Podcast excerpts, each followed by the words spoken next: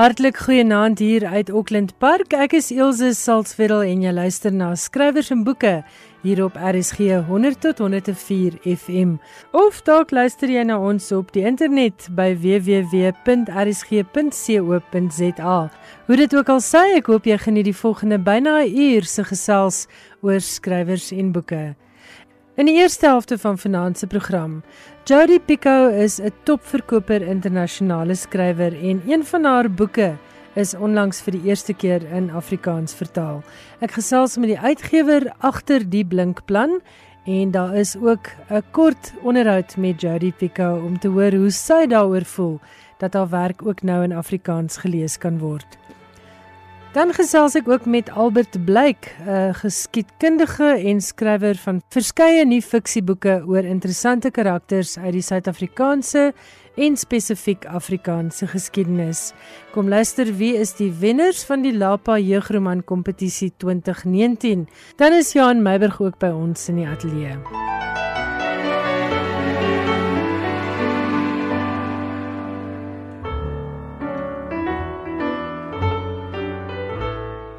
Ons skop af met die beloofde bydra oor die Jody Pico titel wat onlangs in Afrikaans verskyn het.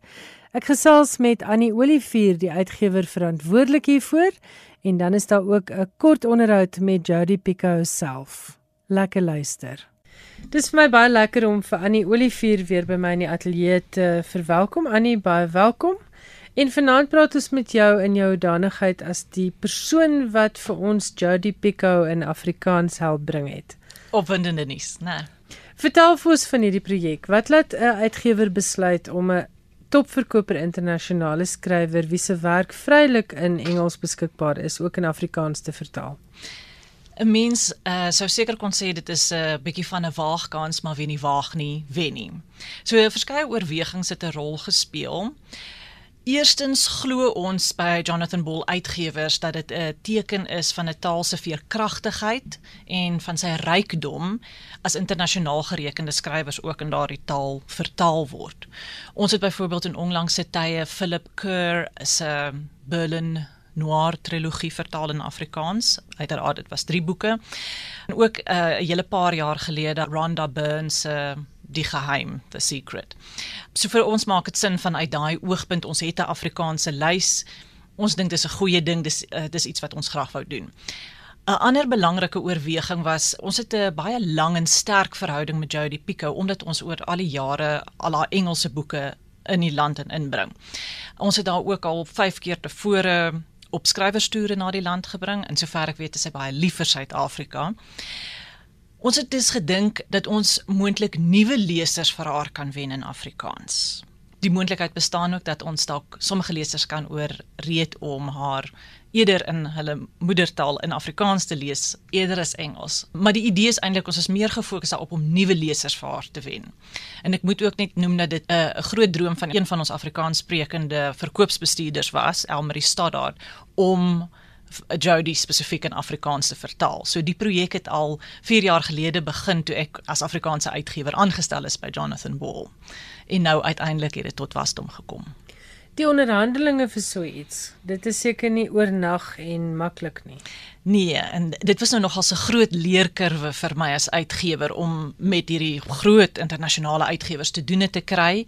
'n Mens moet vir elke boek 'n begroting opstel en dan moet jy nou maar uitwerk wat kan jy byvoorbeeld in terme van 'n voorskot aanbied? Dit is altyd in terme van die internasionale onderhandelinge baie belangrik. Hulle dring aan op groot voorskot vir haar spesifiek. Ja. 'n Mens leer in terme van die onderhandelinge proses. Ja, en gelukkig was sy ons genee uh, en genadig met en die genadig, rand en dollar en alles en alles soos ek sê ons het daardie lang en sterk verhouding met haar dit maak 'n baie groot verskil.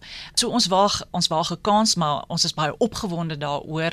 Uh, ons het ook 'n uitstekende vertaler Daniel Hugo Die plan is dis 'n langtermynbelegging. Ons gaan nou twee van haar fondslys titels vertaal. Die eerste wat nou pas verskyn het is Die Belydenis, uh, wat die vertaling is van Plain Truth. Dan in Mei maand kom daar 19 minute, uh, wat in Engels verskyn het is 19 minutes. En dan is ons ook besig met onderhandelinge vir haar heel nuutste boek wat in Oktober op die rakke gaan wees. So dit sal wonderlik wees en ek glo ons is baie naby daaraan om daardie uh, regte te kry sodat sy dan terselfdertyd in Engels en in Afrikaans in Suid-Afrika kan verskyn. Hoe kies julle die boeke want ek het bietjie gaan terugkyk The Plain Truth, die belydenis is 'n redelike ou boek met 'n baie interessante tema. Dit gaan oor 'n Amiese meisie wat geboorte gee Die volgende oggend ontdek hulle die dooie babietjie in die skuur. Die raaisel wat 'n mens end uit besig hou, ek's nou besig om die boek in Afrikaans te lees, is het sy die baba vermoor, het die baba dood gegaan, was daar iemand anders in die skuur?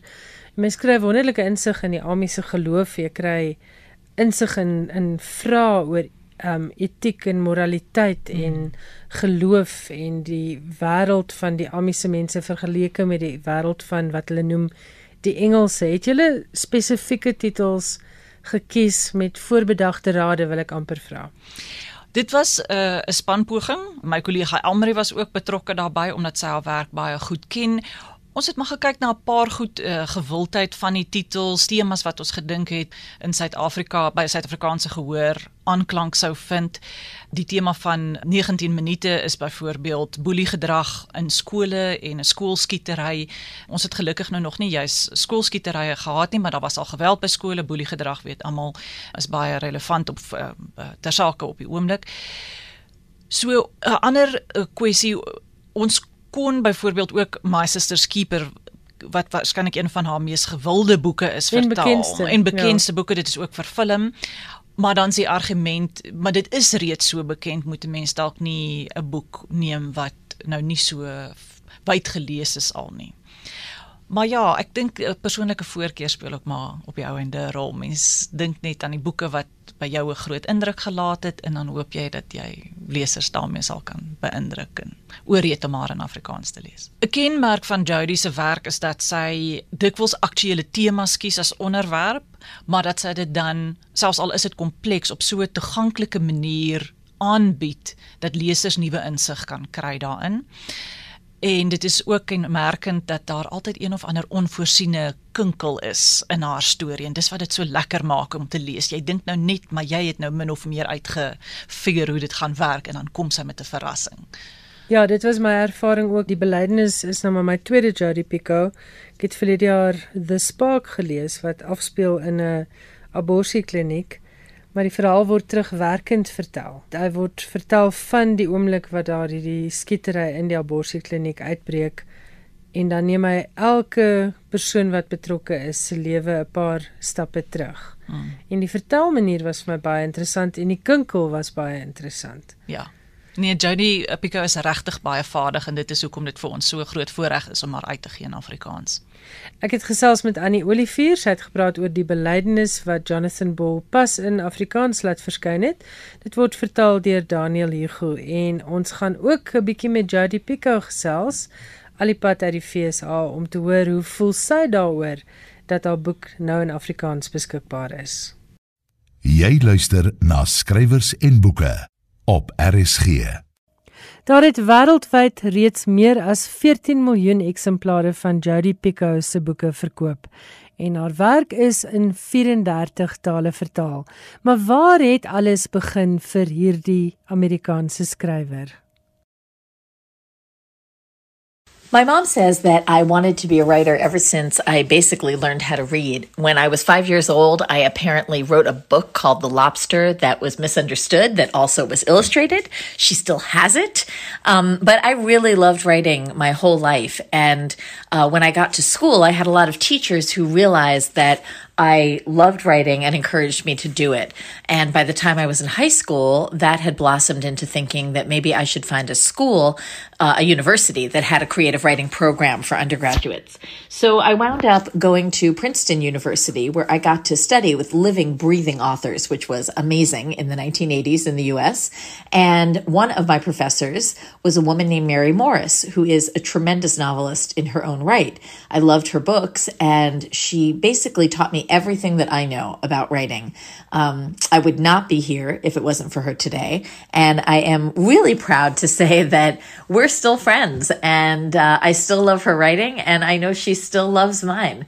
But it's really kind of cool to know that we've reached a point in our relationship where we're colleagues and not just Ek wil by Jody weet hoe sy daaroor voel dat haar boek nou ook in Afrikaans beskikbaar is. When you're a writer, you know, mostly you're thinking about getting published and about anyone picking up your book and reading it. Um, I remember thinking if I can get someone to read my book who is not my mother, then I am a huge success. And, uh, you know, having books translated into 35 different languages all over the globe, that's not even something I ever knew to dream of. Um, that's like a miracle. Uh, I have been to South Africa many, many times uh, on book tour. I have met a lot of people who speak Afrikaans, and um, it, it it's honestly a joy to know that that community is looking forward to reading my books in their original language.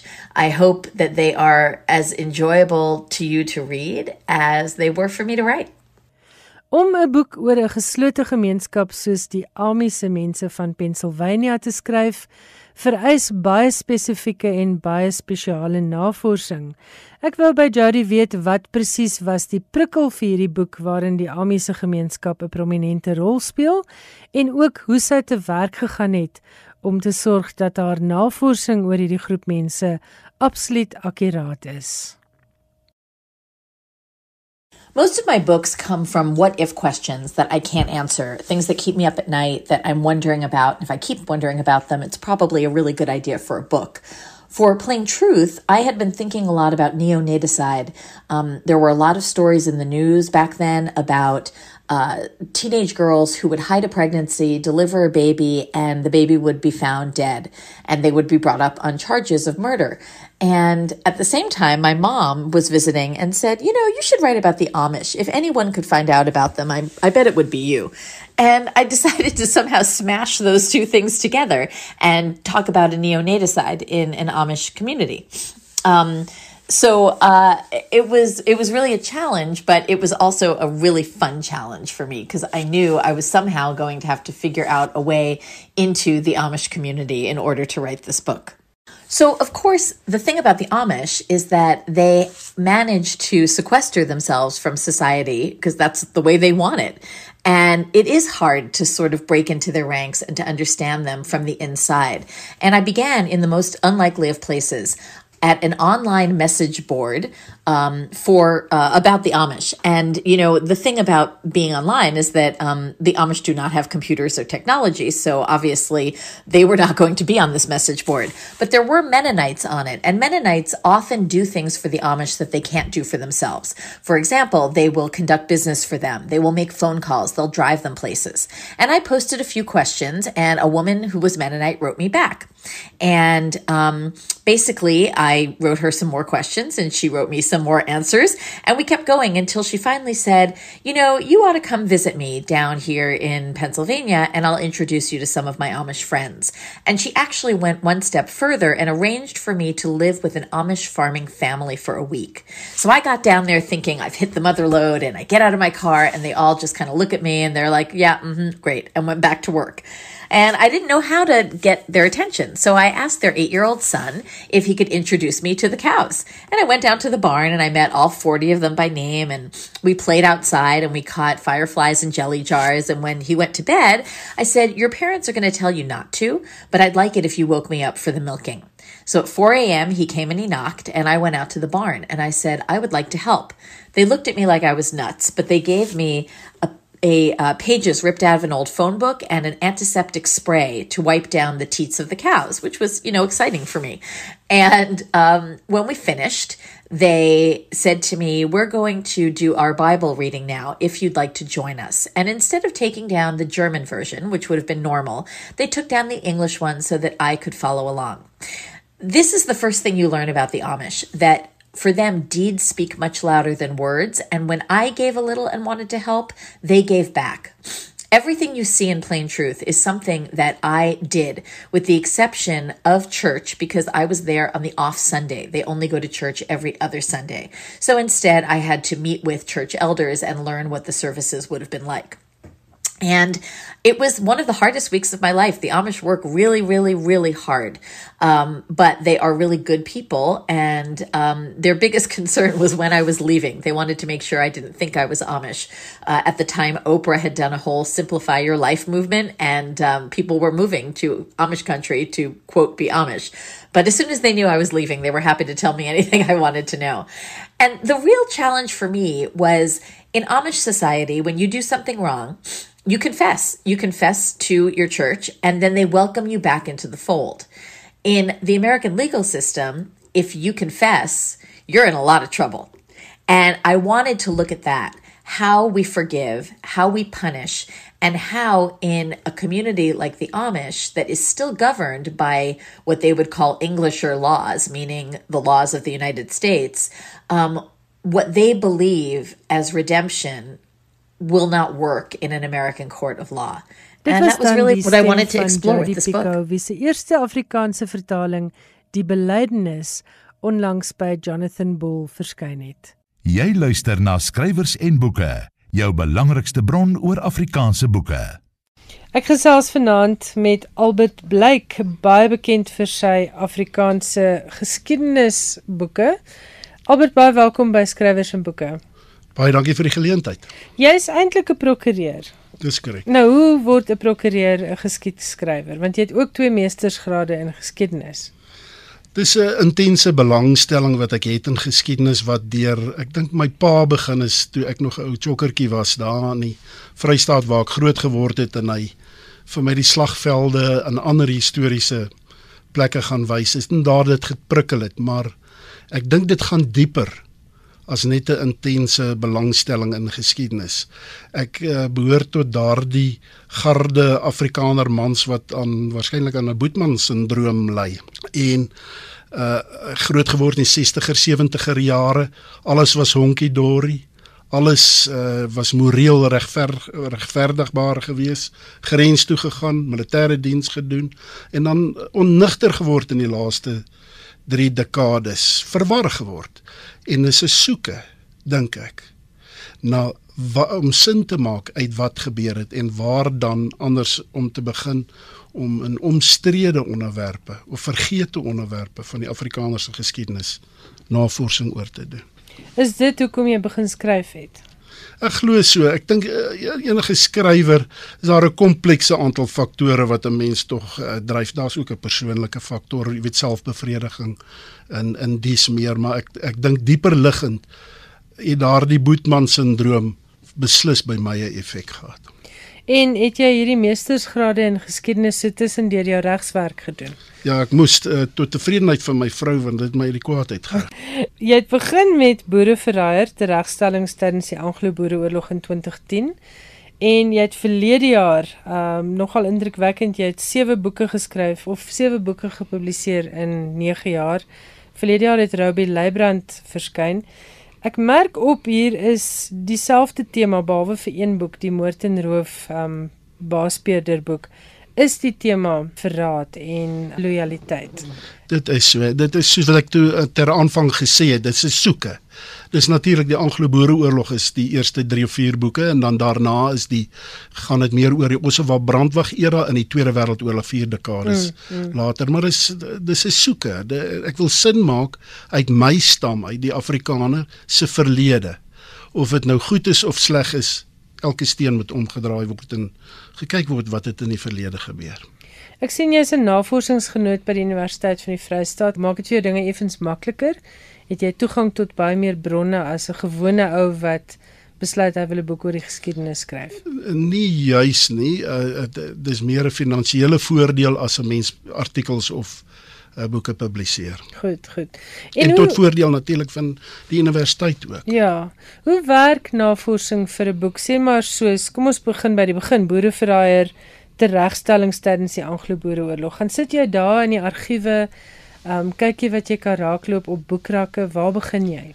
Kyk die argief uh, kom ons neem 'n voorbeeld nou van boereverraaier. Is ongetwyfeld die argiewe is die belangrikste bron. Ek is 'n bietjie van 'n ongeduldige mens en gelukkig het ons die moderne tegnologie. Daar gebruik ek maar my gewone selfoon om om uh, so vinnig as moontlik al die bronne af te neem mm en mhm. dan by die huis te verwerk. Goed. Maar eh, jy weet die argiewe is 'n wonderlike bron. Dit dis onontgin nog werklik wat ons geskiedenis betref. 'n sensasie om 'n brief oop te maak wat 80 of 90 jaar gelede laas oopgemaak is en is 'n smeekpleidooi van 'n moeder wie se seun tereggestel gaan word. Ek wil gou vir die luisteraars net sê jy het geskryf die Boereverraaier boek, dan het jy dit opgevolg met 'n boek Boerekryger, 'n seun se hoogste offer. In 2013 moord en roof in die kop van 'n baaspeurder. Ontsnap boerekrygsgevangenes se strewe na vryheid in 2015. In 2016 'n boek oor broedertwist tussen Christian en Piet de Wet. Die boek se naam Broedertwist, Bittereinder en Joiner. 2018 Wit terroriste, Afrikaners saboteurs in die Ossewa brandwag en dan 2019 Robbie Leibrand 'n lewe van fanatisme.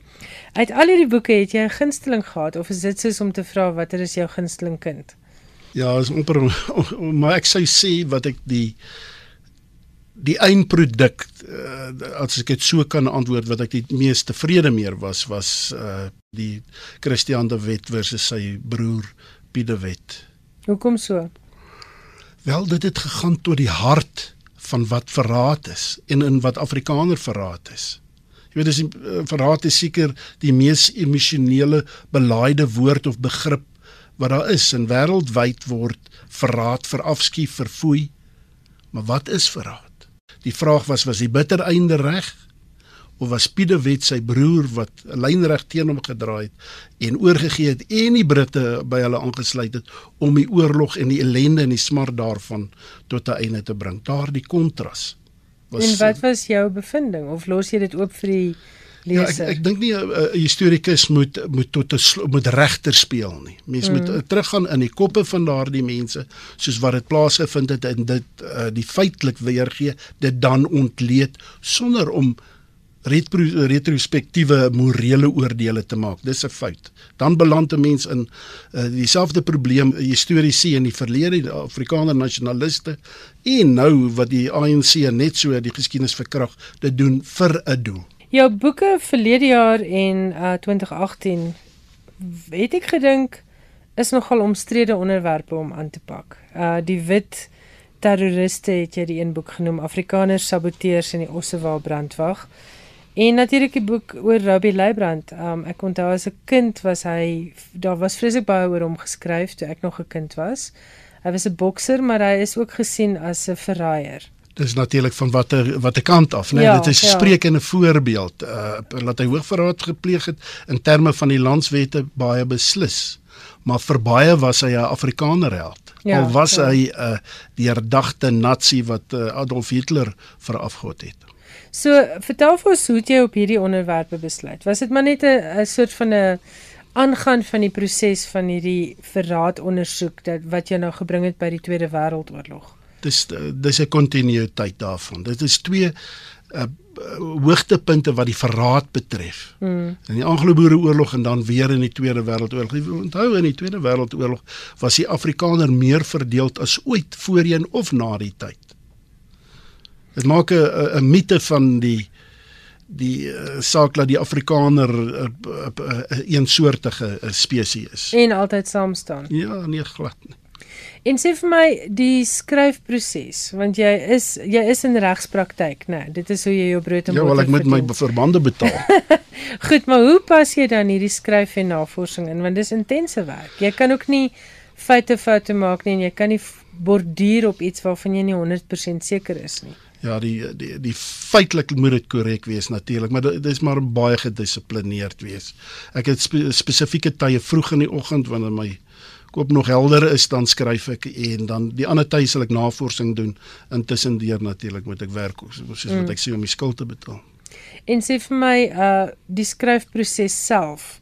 Ons het nou nou voor ons op die lig gekom het gepraat daaroor jy het nie skryfopleiding nie. Was dit vir jou 'n maklike ding om te begin skryf? Nee, dis nog steeds 'n redelike moeilike en vir my 'n ingewikkelde proses.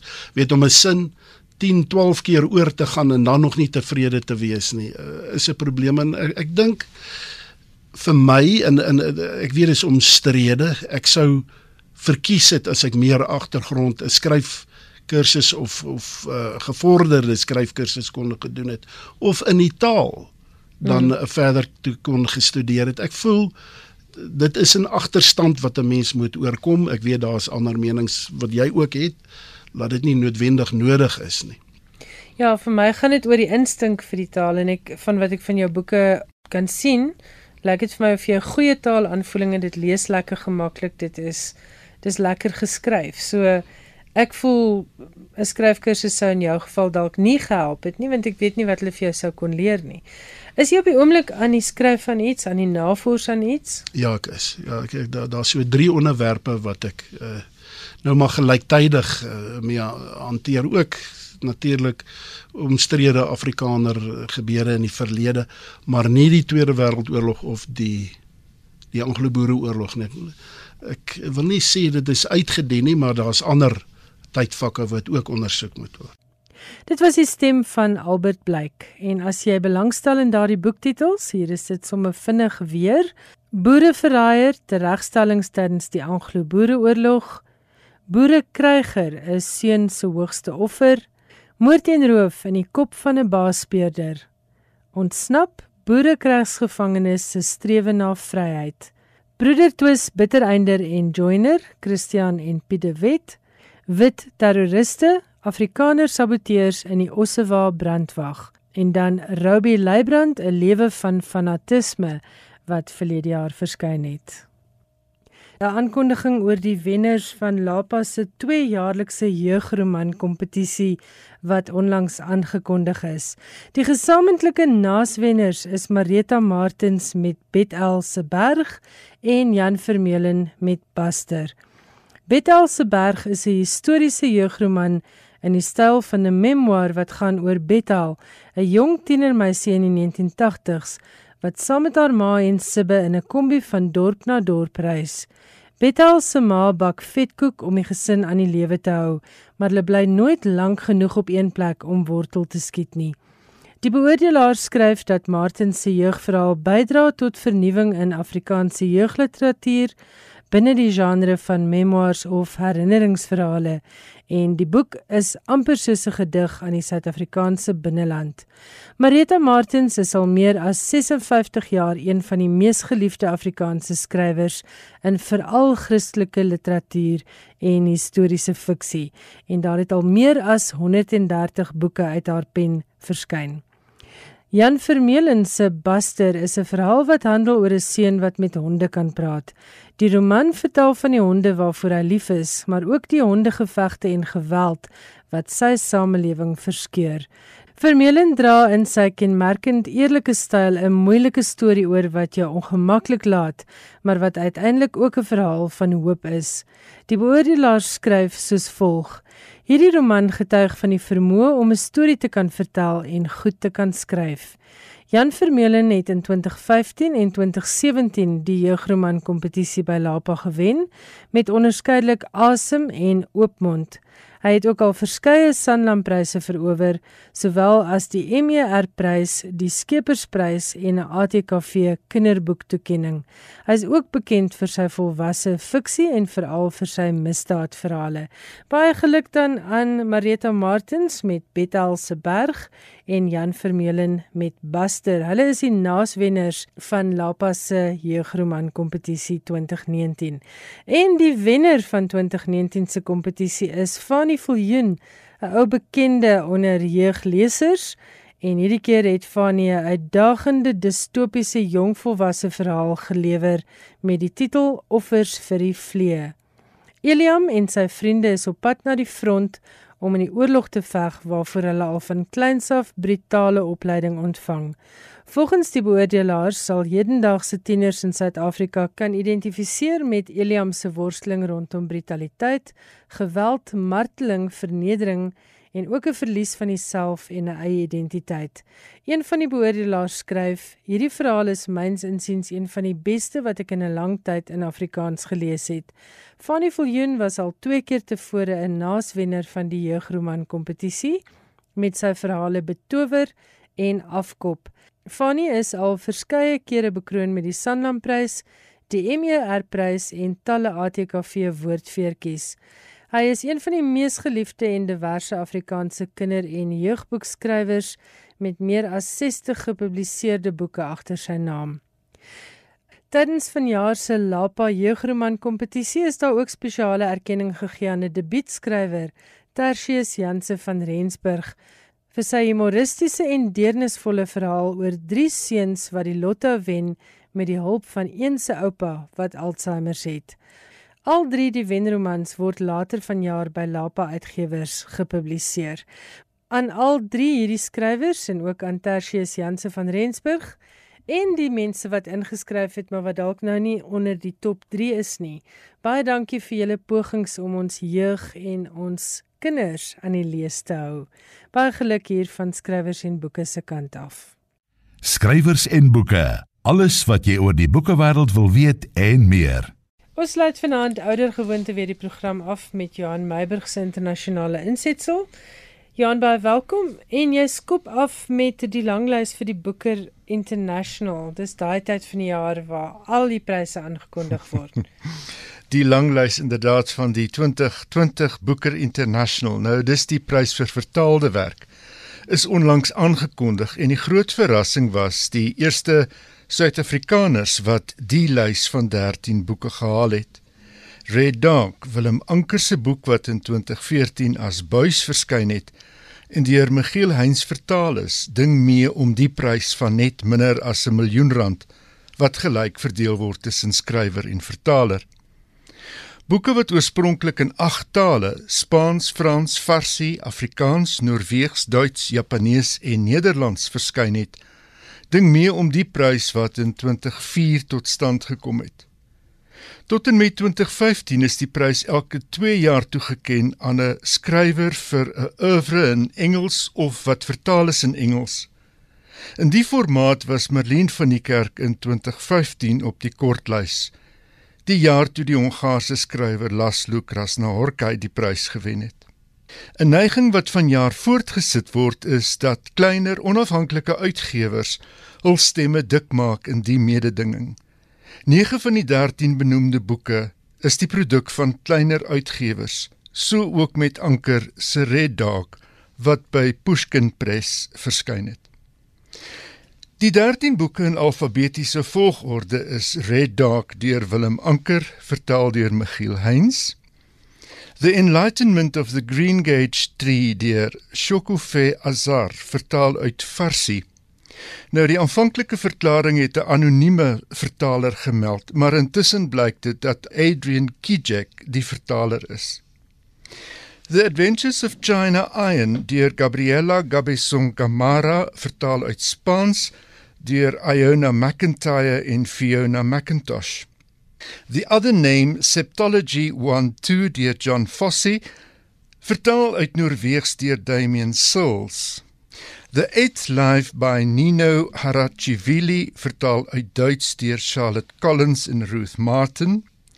Serotonin deur Michelle Olubeck, vertaal uit Frans deur Sean Whiteside. Till deur Daniel Kilman, vertaal uit Duits deur Ross Benjamin. Hurricane Season deur Fernanda Melkor, vertaal uit Spaans deur Sophie Hughes. The Memory Police deur Yoko Ogawa, vertaal uit Japanees deur Steven Snyder. Faces on the Tip of My Tongue deur Emmanuel Pagano, vertaal uit Frans deur Sophie Lewis en Jennifer Higgins. Little Eyes deur Samantha Schweblin, vertaal uit Spaans deur Megan McDowell. The Discomfortive Evening deur Marika Lucas Reineveld vertaal uit Nederlands deur Michelle Hutchinson.